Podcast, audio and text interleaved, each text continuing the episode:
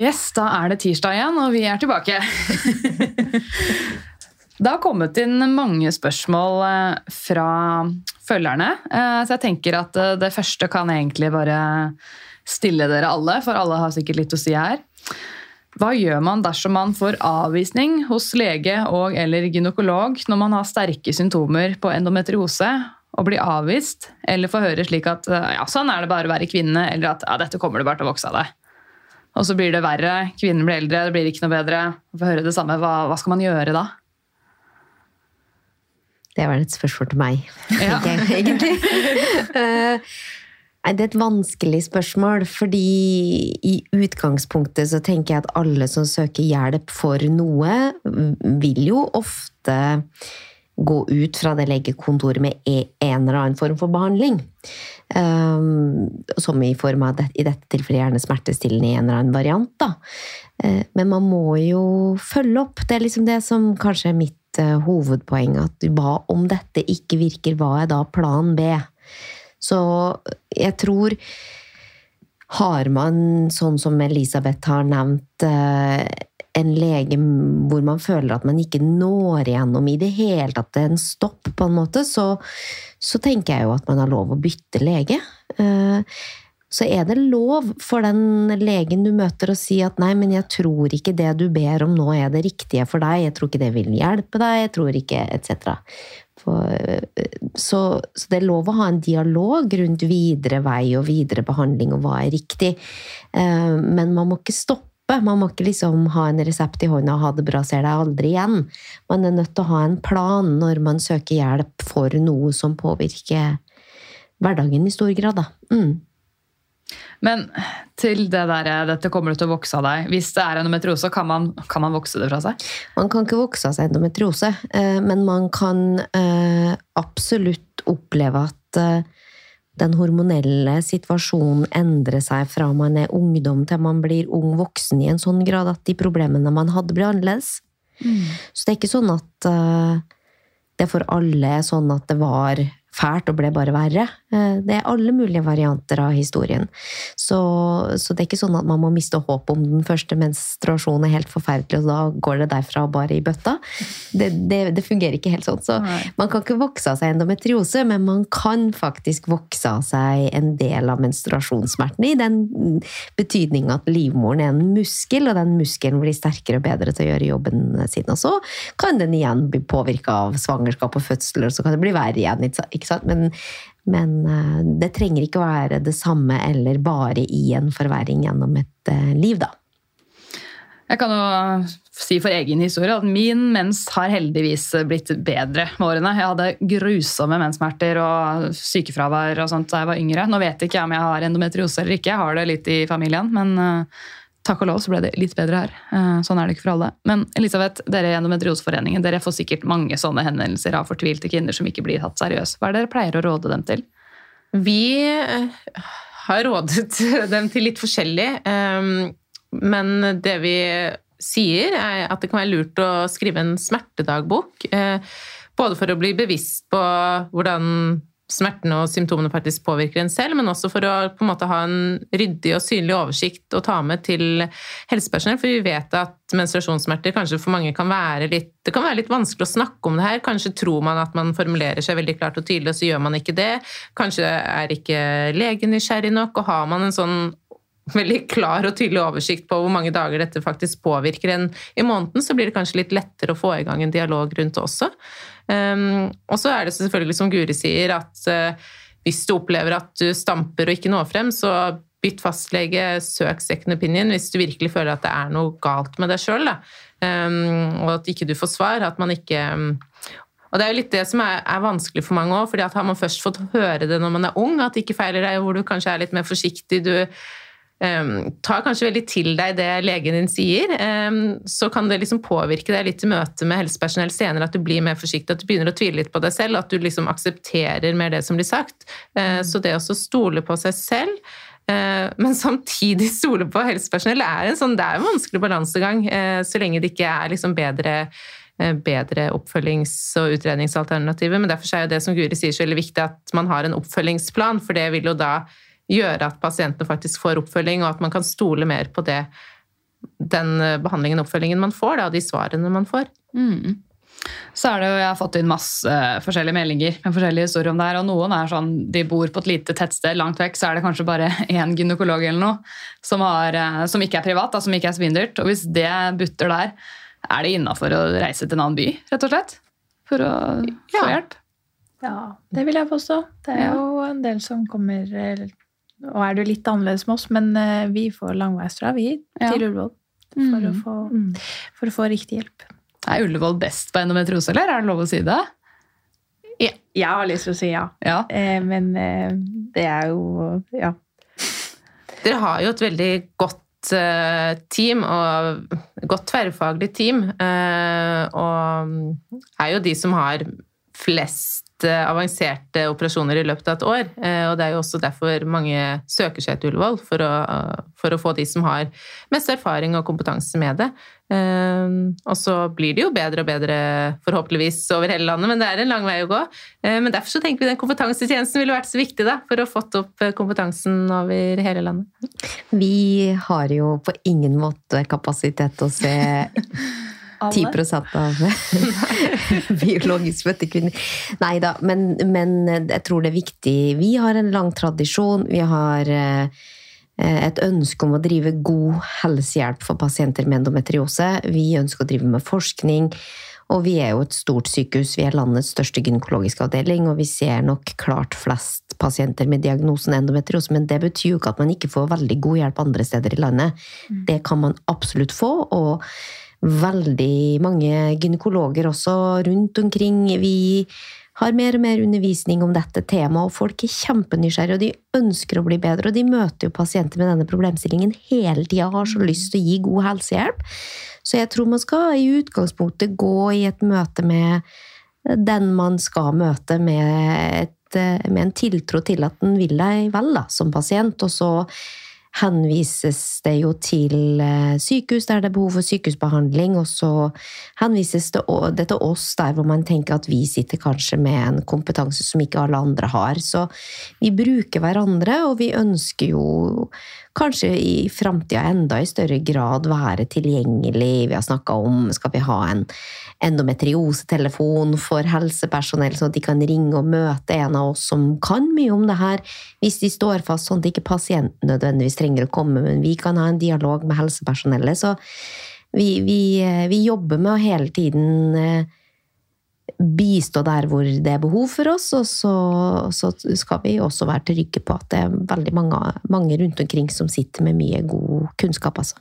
Ja, og jeg vil bare skyte inn der òg at eh, vi satt jo den arbeidsgruppa eh, hvor vi utarbeida den rapporten eh, for, med forslag til hvordan tilbudet kan bedres for pasientgruppa. Og der satt jo representanter fra alle helseregioner i Norge, og alle er jo veldig engasjert og jobber så på for at man skal få et bedre tilbud. Alle brenner jo for å få et bedre behandlingstilbud og ønsker å gjøre en forskjell. Og det tenker jeg er veldig viktig for pasientgruppa også å vite da, at eh, For man kan føle som pasient at ting går sakte, at mm. det er for lite kunnskap, men at det er viktig å vite det at det faktisk er engasjerte fagfolk over hele landet. Ja, det er veldig viktig, for nå virker det som at alle er misfornøyde, og alle blir bare møtt på at nei, det er ikke noe gærent med deg, bare gå. Men sånn, det, det er jo på en måte det er jo mest de ille historiene man hører om. Da. Det er jo mange som faktisk får god hjelp og blir tatt seriøst, og det er jo kjempebra. Og jeg håper jo at det går mer og mer den veien. Så er det jo én ting at jeg tror Altså, jeg mener jo helt 110 eh, alle skal bli tatt alvorlig. Det, det, er ikke, det er ikke diskuterbart. Så er det jo sånn som vi starta hele samtalen med Endometriose er en kronisk sykdom. Den rammer veldig forskjellig, og det er klart at selv om du får helsehjelp, men opplever at du fortsatt har mye plager, så betyr ikke det at den helsehjelpa du får, er feil. Det betyr ikke at det fins en kur et annet sted, eller hvis du på magisk vis kommer deg, drar et sted til utlandet, så blir du fiksa.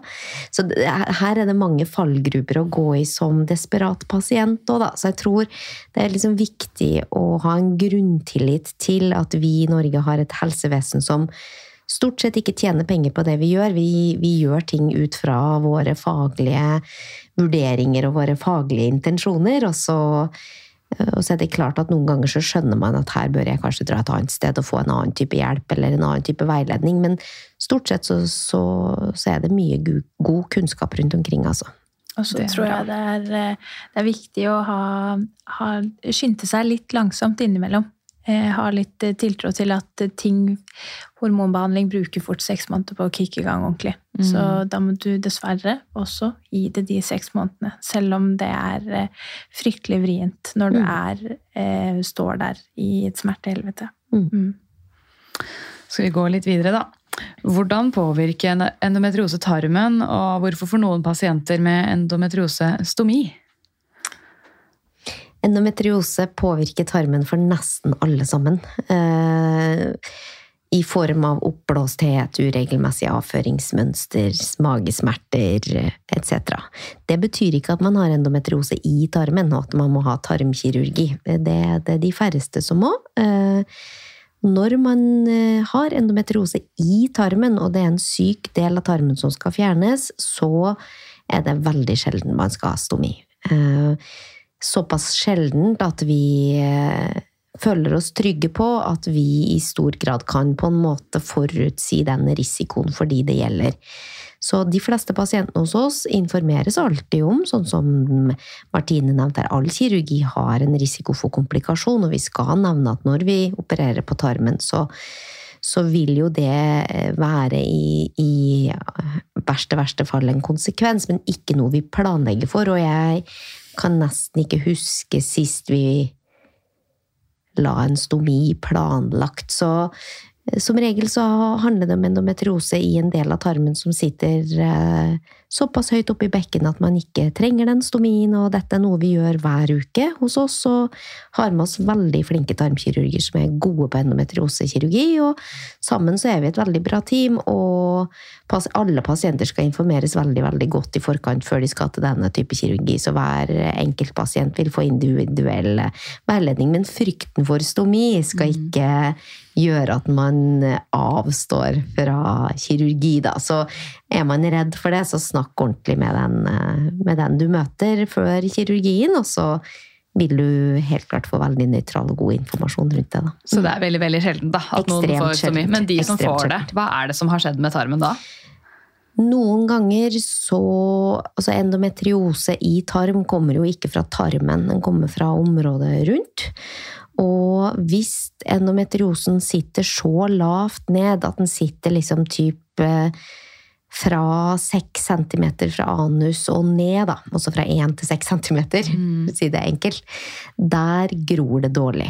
Eh, og det gror veldig dårlig hvis det går avføring der hele tida. Det blir stor fare for lekkasje i den skjøten som man får da, når man har skjøttet sammen tarmen når man har fjerna en del. Eh, så det er fare for at det ikke vil gro ordentlig, at det vil lekke, at det vil bli store komplikasjoner, rett og slett. Så er det så lavt ned, som det nesten virkelig aldri er mm. på endometriose, for det sitter som regel fra 6 cm og opp, hvor dette går helt fint. Men der vil vi absolutt diskutere det og merke av stomiområdet. Pasienten vil få samtale med stomisykepleier, og vil, vi vil sørge for at alle er veldig, veldig godt forberedt. Men Eh, det er som sagt, jeg kan ikke huske sist det lå så lavt, og, så det er den eneste gangen vi planlegger det. Ja. Så vil endometriose, eh, også kirurgisk, og også da dyp endometriose i tarm, oppfører seg forskjellig. Det er forskjellig grad av arrvev, det er forskjellig grad av eh, forandringer og forskjellig grad, vanskelighetsgrad på kirurgien også der, da. Mm. Så noen ganger, eh, veldig, veldig sjelden, så kommer vi opp i Eh, en situasjon hvor vi havner så lavt likevel. Eh, og da er det jo viktig å ha nevnt dette med stomi på forhånd, men det er som sagt ekstremt sjeldent og ikke noe folk skal bekymre seg for. Ja. det er et spørsmål til Martine. Finnes det en egen videreutdanning for sykepleiere innen gynekologi? Nei. Ikke per nå.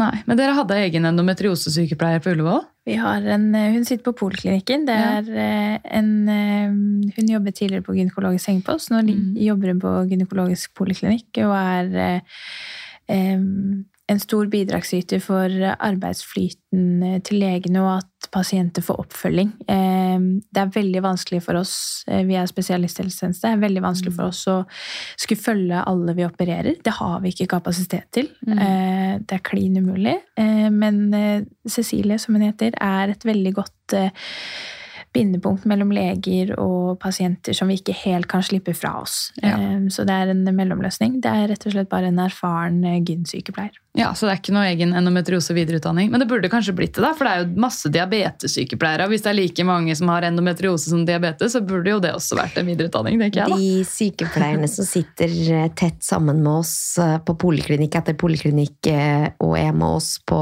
kursing og og, og, så lærer jo ekstremt mm. mye. Både av å høre på det vi sier, og av å lese og lære å være med. Så, så de har på en måte en uformell spesialkompetanse, vil jeg si. Mm. Ja, Det tviler jeg ikke på.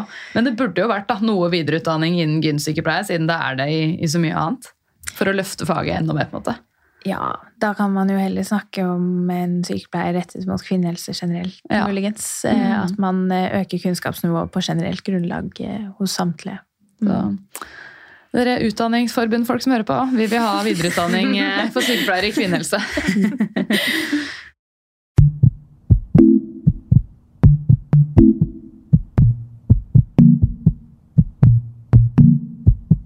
Um, ja, Flere spørsmål til deg, Martine. Ja. Hei, Martine. Er det slitsomt å jobbe med pasienter som har så sterke smerter? Hilsen typisk smertepasient med endometrose. Um, ja, eh, og her er det fallgruven. Man, eh, man må ikke misforstå, men det er slitsomt. Eh, og det er rett og slett av den grunn at man um, man har en ekstrem følelse av å aldri strekke til. Mm. Eh, det går en del tårer eh, bak på det vaktrommet hos oss eh, av frustrerte sykepleiere som på time syv for dagen ikke får det til med det vi har å rutte med. Og pasientene har like vondt som da vi kom. Det er trist, det er vondt. Det er mye følelser i spill, og så ja, det er slitsomt, men det handler ikke om at det er slitsomt at man i utgangspunktet er en smertepasient. Det er slitsomt og tungt og trist fordi at man føler at man ikke strekker til. Man ønsker så gjerne, og skulle så gjerne, men mm. Eh, det, ja.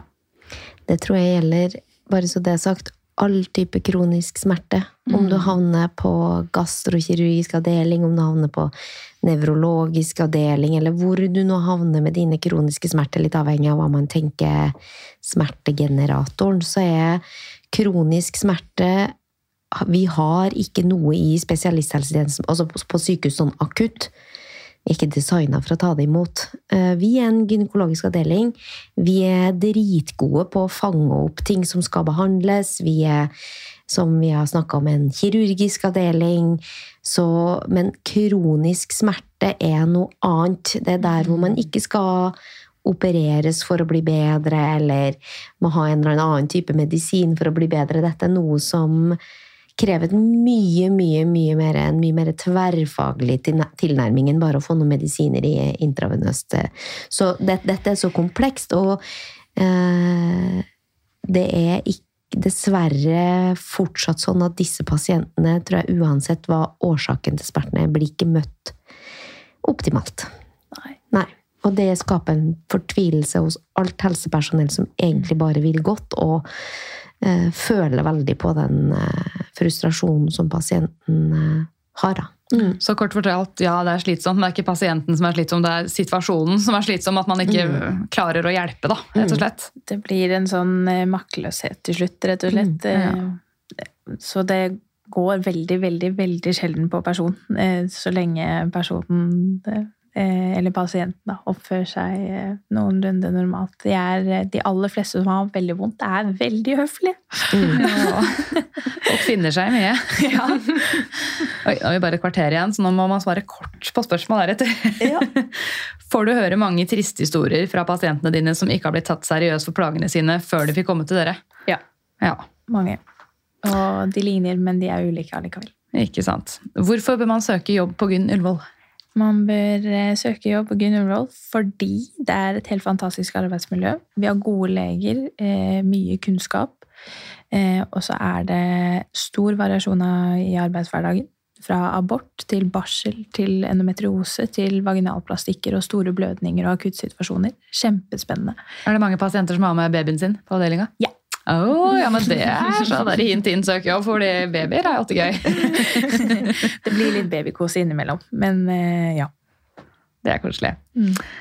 Spørsmål til Guri. Kan endometriose oppstå selv etter fjerning av livmor og eggstokker? Jeg bruker østrogentilskudd nå. Det kan i hvert fall fortsatt være der. Selv om ja. du har fjerna livmor og eggstokker, så er ikke det dermed sagt at du har fjerna endometriosesykdommen. Og igjen, det er en hormonell sykdom. Ja, vi behandler veldig mye med kirurgi, men denne, dette vevet har hormonreseptorer eh, som også fint kan la seg påvirke av eh, østrogentilskudd, eller den, det østrogenet som kroppen lager selv i fettvev når eggstokken er borte. Så absolutt. For Jeg så jo dere Elisabeth, posta på Endometrioseforeningens Instagram at det fins egentlig ikke noe kur. Det hjelper ikke å fjerne livmora. Det er der på en måte for det. Mm. For det hjelper vel bare for adenomyose. Stemmer. Mm. Litt drittsykdom, egentlig. Man får liksom ikke fått det helt vekk. Endometriose, altså? Det er veldig veldig mange som blir veldig veldig mye bedre. bare ja, så det også er sagt. altså, så vi har hele spekteret ja, ja. av, av, de som får beskjed fordi de har vært til noe annet. Bare 'ja, men du har endometriose'. 'Å, det har jeg egentlig aldri tenkt over', eller 'jeg har ikke så store plager'. Mm. Til de som har kjempestore plager og er vanskelig å behandle.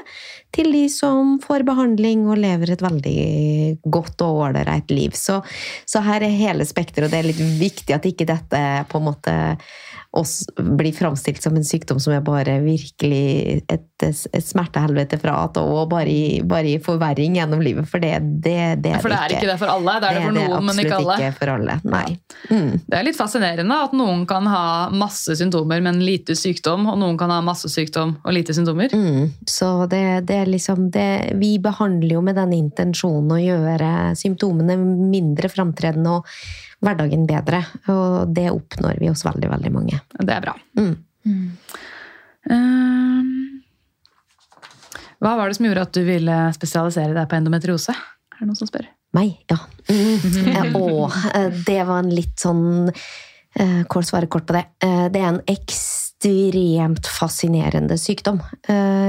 Dess mer man lærer om den, dess mer fascinert blir man, og dess mer ser man jo selvfølgelig at det er det er mye nå som kan gjøres for at ting skal bli bedre for mange. Eh, og så er det ikke sånn at det er uoverstigelige hindre vi skal ta i framtiden for å gjøre det bedre for mange. Det er egentlig ganske lettoppnåelig i mitt hode, da, i hvert fall. Det er derfor jeg liksom føler at jeg på ingen måte mister noe engasjement rundt det her. Fordi vi, vi sammen med Endometrioseforeningen, altså vi er virkelig nå i ferd med å få til veldig mye bra, syns jeg. Eh, men endometriosekirurgien, da, du snakker jo om en kirurg, og det er jo altså noe av det mest spennende man kan holde på med, syns jeg. Det er som kreftkirurgi.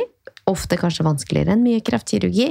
Så det er veldig avansert kirurgi. Vi jobber med veldig gode team av operasjonssykepleiere, andre spesialiteter, anestesi. Så her er det teamarbeid rundt et håndverk som krever mye spesialisering og hele tiden et ønske om å bli bedre. Så det er den mest fantastiske jobben man kan ha. Mm. Kjærlighet for faget, rett og slett. Mm. Og med alltid en intensjon om å gjøre ting bedre for pasienten. Så bra. Hva er egentlig forskjellen på endometriose og kreft? For det her sprer seg rundt i kroppen. Det høres jo nesten ut som kreft. Mm. Eh, jeg tror ikke nødvendigvis det sprer seg. Jeg tror kanskje at dette er celler som har vært der fra fosterlivet, kanskje, og så er det bare ulike knapper som skrus på som gjør at de vokser seg til og blir endometriose.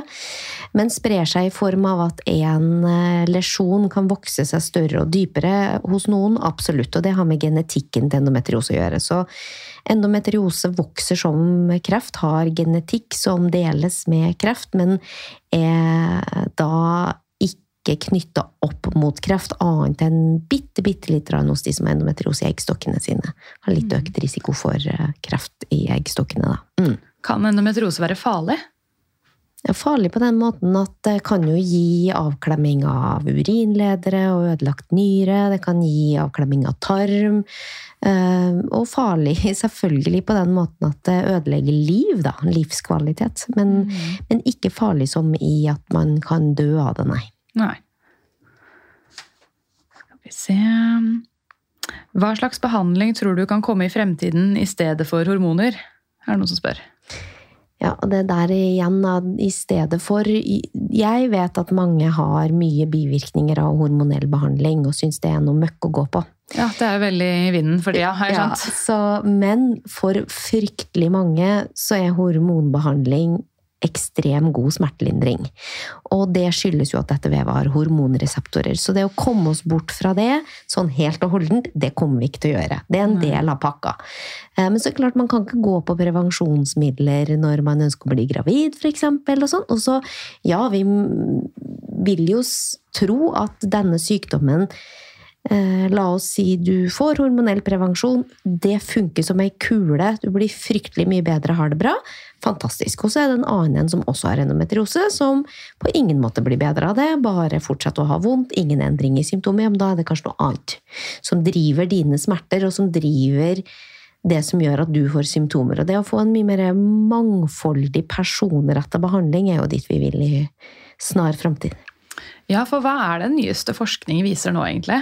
Jeg leste noe om noe sånn vevsforlikelighet og og det er mye ny forskning. Og det, det, som er kanskje utfordringen med endometriosevevet, er jo rett og slett at det er så ulikt. Og det er liksom ikke, det er ikke ett gen som skaper sykdommen. Det er mange, og de genene er jo der for å lage kode for ulike reseptorer og ulike mekanismer i vevet. Så selv om du klarer å gi en behandling som påvirker den ene tingen, så kan de 19 andre fortsatt gi deg plager. skjønner? Så det er mye forskning, og det er mye forskning på mange forskjellige eh, områder. Men det er klart, det vi ønsker oss nå, er jo muligheten for å forske direkte på endometriosevev fra pasienter. Altså jeg ønsker å vite nøyaktig hva slags eh, egenskaper av vevet til Elisabeth. Hvor er det aller riktigst å sette inn på en måte behandlingen på hennes vev? Så er det kanskje helt annerledes enn uh, Katrine sitt vev.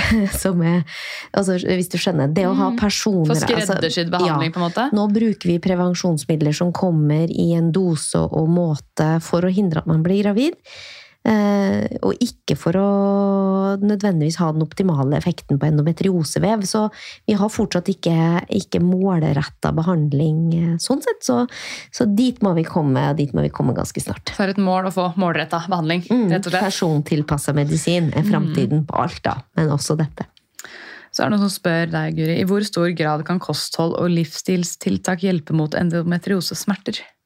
Man kan være så flink som den flinkeste av de flinke, og likevel er det fryktelig sjuk. Det tror jeg er litt viktig å si. Mm. handler ikke om at du ikke er flink nok hvis du har mye plager. Det er, det, det, det er, litt viktig. Og så, ja eh, Hvis man går rundt med mye smerter, så vil selv luft i tarmen, strekk i tarmen, bevegelse i tarmen gjøre at hjernen opplever dette som ekstremt smertefullt, selv om det kanskje er en naturlig prosess som andre ikke ville opplevd som noe annet enn bitte litt ubehag. Så for noen så vil kostholdsendringer eh, gjøre at de føler seg bedre, eh, har litt mindre smertetrykk. Eh, noen opplever at endometriosesmertene blomstrer mye under stress, lite søvn. Så der er man egentlig nødt, tror jeg, på et tidspunkt, hvis man er mye plaga, erkjenne at man har en kronisk tilstand, som om det var leddgikt eller psoriasis eller et eller annet annet, og klare å begynne etter hvert å kartlegge litt når er det du har dine flare-ups, hva er det som kommer i forkant av det, og kan du gjøre noe med det? Mm. Og så vil flare-ups komme helt uten at du har gjort noe som helst galt, og som sagt, du kan være den flinkeste flinke og likevel være syk. Så det er en sånn balansegang. Eh, gjøre det du kan som gjør deg godt, og så legge av deg den dårlige samvittigheten. For det er ikke det å være flinkest. Det, det, det, det går ikke an å spise seg frisk for det fra dette. For Det virker som noen har det som en teori om veldig mange sykdommer. Ja, hvis du bare gjør sånn og sånn med kostholdet, så blir alt perfekt. det er ikke så lett. Inflammasjon og kosthold Vi er jo i ferd med å, skjønne mye mer rundt mikrobiomet vårt og inflammasjon og, og stress, og vi lever i en tidsalder og en tid som ikke ligner noe annet som har vært før. Men endometriose har nå vært der helt fra tidenes morgen, da selv liksom typ, i et helt annet samfunn med en helt annet kosthold og uten ultraprosessert mat etc. Så, så, men her må man som sagt igjen finne litt ut av hva det er som passer for deg. rett og slett. Så er det mm. noen som spør Eller de sier de mest ekstreme smertene mine opphørte under svangerskap og amming. Finnes det noen forklaring på dette? Ja. Like mye som det finnes en forklaring på at uh, svangerskap og amming ikke kurerer noe som helst. Da. Bare sånn, det, det, er ikke, det, er ikke, det, er ikke, en mm. behandling for endometriose. Men hormonprofilen når man er gravid, er i veldig progesteronretning.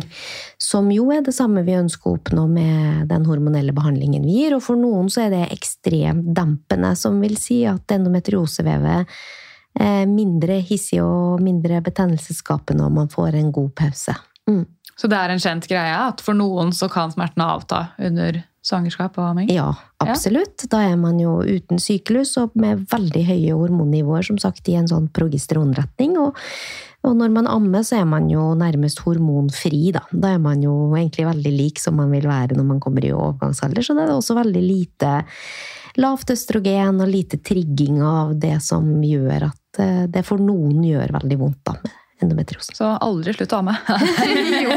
Fram til ungen blir 15. Ja, absolutt sånn at, eh, at, det ikke funker for alle heller. Dette, her er det jo ingen oppskrift, men, men, det er jo selvfølgelig mange som opplever at de eh, har det bedre under, eh, under svangerskap. Mm. Det er jo bra da, at det kan funke for noen. Og så sier noen eh, hvor vondt er det egentlig normalt å ha? Jeg hadde en reell følelse at jeg holdt på å revne på innsiden, at jeg kom til å dø. Kan dette faktisk skje? Så jeg vet ikke om noen da spør om man kan revne opp eller om man kan dø. Eh, kan noe av det skje? Man kan jo ha syster som sprekker.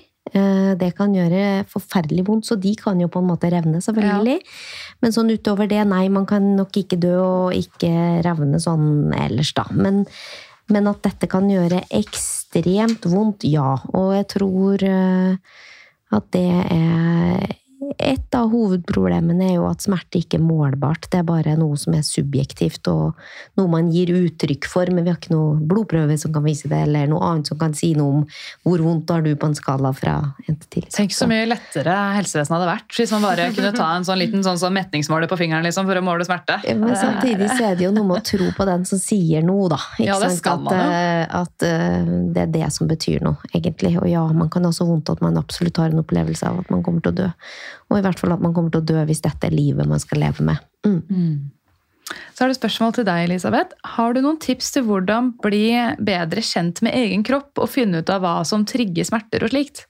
Nå har jo Guri vært en del inne på det i forhold til kosthold, og jeg tenker det gjelder egentlig det aller meste. Eh, man må prøve å feile litt. Mm. Eh, gjerne skrive den smertedagboka som vi var inne på. Gjerne også skrive dagbok i forhold til når du trener. Hva funker, hva funker ikke. Samme også med kosthold, hvis du merker at det er liksom noe spesielt, eh, sånn som Guri var inne på.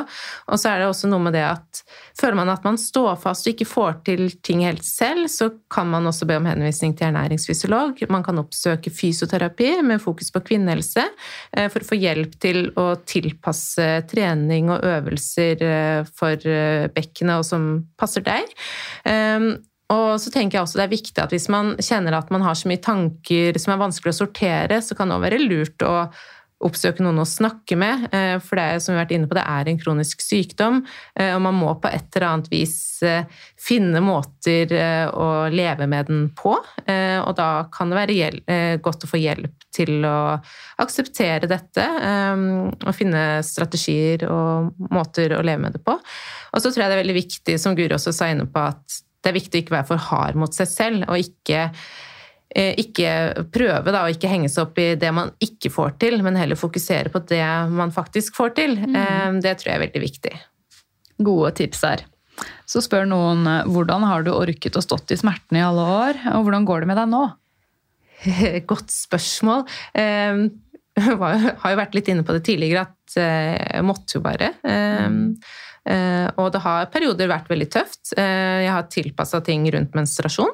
Eh, og så var det en periode hvor ikke jeg forsto hva som skjedde med egen kropp, som var veldig tøff. Jeg har oppsøkt fysioterapi selv, jeg har oppsøkt, bedt om henvisning til næringsfysiolog, fått god hjelp av det, og går til behandling hos fysioterapeuter fortsatt. Og jeg har også oppsøkt noen å snakke med for å sortere tankene. For det var som sagt en periode hvor jeg syntes det var veldig vanskelig å håndtere ting. Ja, for dette kan gå vel så mye utover den psykiske helsa? regner jeg med? Absolutt. Mm. absolutt. Og det å ikke forstå sin egen kropp eh, og ha den der indre konflikten, da, eh, det kan påvirke i veldig stor grad. Og så var det noe med det at ok, nå har jeg dette her, nå, nå, må jeg kanskje få hjelp til å sortere hvordan jeg skal håndtere det, hvordan jeg kan leve best mulig med det her, og slutte å være så hard mot meg selv, for det var jeg. Um, og så uh, har det også hjulpet meg veldig mye å putte det negative inn i noe positivt. Så det arbeidet med Endometrioseforeningen det gir meg veldig mye. Um, da, da, gir det på en måte litt mening. Da. Ok, jeg fikk dette her, og det kan jeg bruke det til. Så jeg tror liksom man må man kan hjelpe andre, da. Man kan hjelpe andre, mm. ja, og det, det, betyr mye. Veldig fint å høre. Og så skal vi se Ja, har du noen tips til hvordan helsepersonell kan møte pasienter med endometriose bedre? Hilsen sykepleier. Ja, det er jo et veldig fint spørsmål, og det mm. viser jo at man eh, ønsker å møte pasientene på en god måte, som jeg tror de aller fleste ønsker. Eh, og så vet vi jo at det er utfordrende med begrenset tid og kutt overalt. Eh, mm. Men det å være nysgjerrig, stille spørsmål, lytte, ha i tankene at kanskje mange av disse pasientene har opplevd bagatellisering og har følt seg avfeid, så kanskje den der litt ekstra medmenneskeligheten kan være veldig nyttig. Og så tror jeg faktisk mange pasienter òg heller vil høre fra helsepersonellet at vet du hva, dette har jeg ikke nok kompetanse på, dette må jeg henvise deg til noen andre for å finne ut av.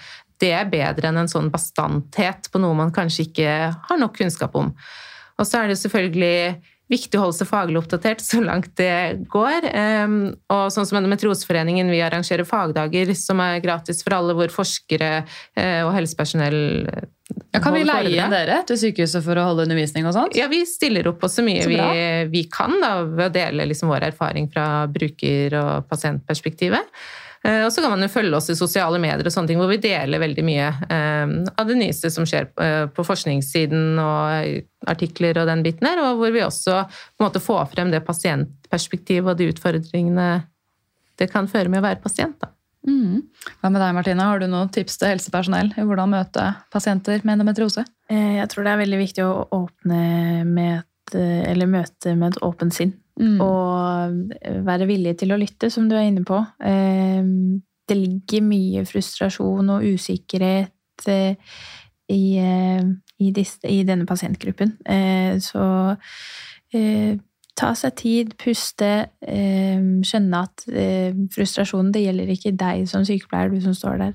Det er bare et mm. uttrykk for en hel del annet. Så klare å renske og se hva, hva er det pasienten egentlig formidler her. Mm. Tenke seg litt om. Mm.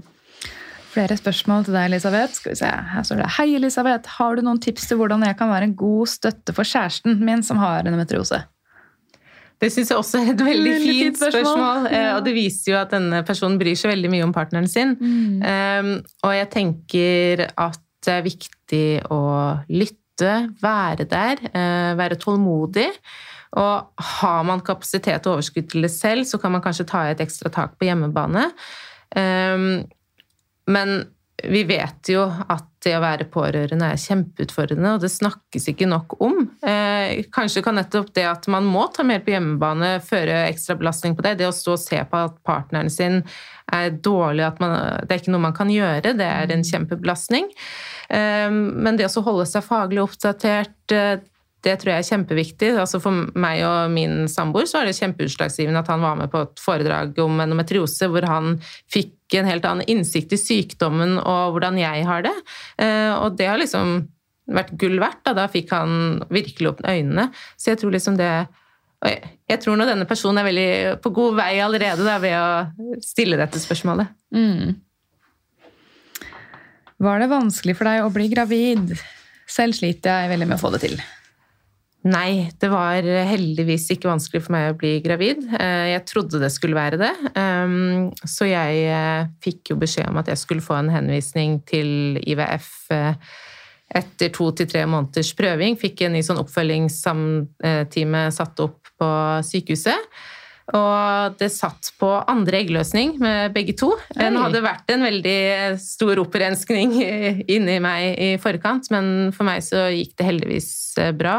Ehm, men så vet vi jo at er det ikke ca. halvparten av de som eh, oppsøker ehm, Som sliter med ufrivillig barnløshet, oppsøker hjelp for det, at de, ca. halvparten av de har endometriose. Mm. Eh, så det er klart at det er jo stort eh, problem for mange. Og jeg kan jo tipse om Ønskebarnforeningen, da, som kanskje har litt mer mm. inngående kunnskap om ja, IVF-behandling og det å være ufrivillig barnløs. da.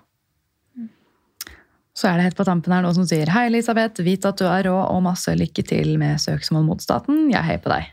Tusen takk. Det er veldig koselig. Og det betyr veldig mye at jeg har så mange flotte folk i ryggen. Dette var den siste episoden av Hjelp, jeg er sykepleier, og podden tar seg, tar seg, nå en velfortjent sommerferie og kommer tilbake i slutten av august eller september. Jeg er ikke helt sikker ennå. Følg med på Facebook og Instagram. Følg Hjelp, jeg er sykepleier da, så får dere datoen når jeg har bestemt meg for når den blir tilbake. Hvis du ikke har hørt alle episodene, så ta deg en titt i arkivet, for de gamle episodene de går ingen vei. Gi gjerne podden noen stjerner, gjerne fem, og husk å trykke på abonner-knappen, så får du beskjed neste gang det slippes en episode. Martine, Guri og Elisabeth, tusen takk for at dere kom og laget to fantastiske episoder med meg som sesongavslutning for podden. Takk. Så da er det bare å si god sommer! God, god sommer! Takk for at du hørte på Hjelp, jeg er sykepleier. Hvis du likte episoden, blir jeg veldig glad hvis du vil dele den videre på relevante plattformer. Jeg blir også veldig glad hvis du vil anbefale den videre til venner, kolleger, medstudenter eller andre folk du tror kan få glede av denne podkasten. Hvis du vil få varsling neste gang det slippes en ny episode av Hjelp jeg er sykepleier, så er det bare å trykke på abonner-knappen her hvor du hører på podkast. Hvis du vil komme med ønsker for podden, eller gi meg tips eller tilbakemeldinger, eller bare følge meg og mitt podkasteventyr, så er du hjertelig velkommen til å følge Hjelp jeg er sykepleier på Instagram. Hjelp jeg er sykepleier er også på Facebook, men det er på Instagram det er desidert mest aktivitet. Der har du også mulighet til å stille spørsmål til Q&A til fremtidige gjester av podden. Du kan også sende meg en mail, og mailadressen til Hjelp jeg er sykepleier står beskrevet i hver episodebeskrivelse.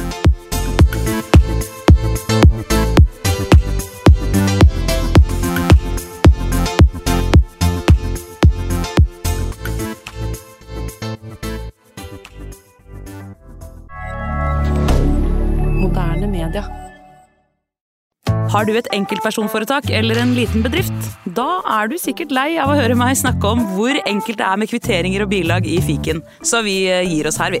Fordi vi liker enkelt. Fiken superenkelt regnskap.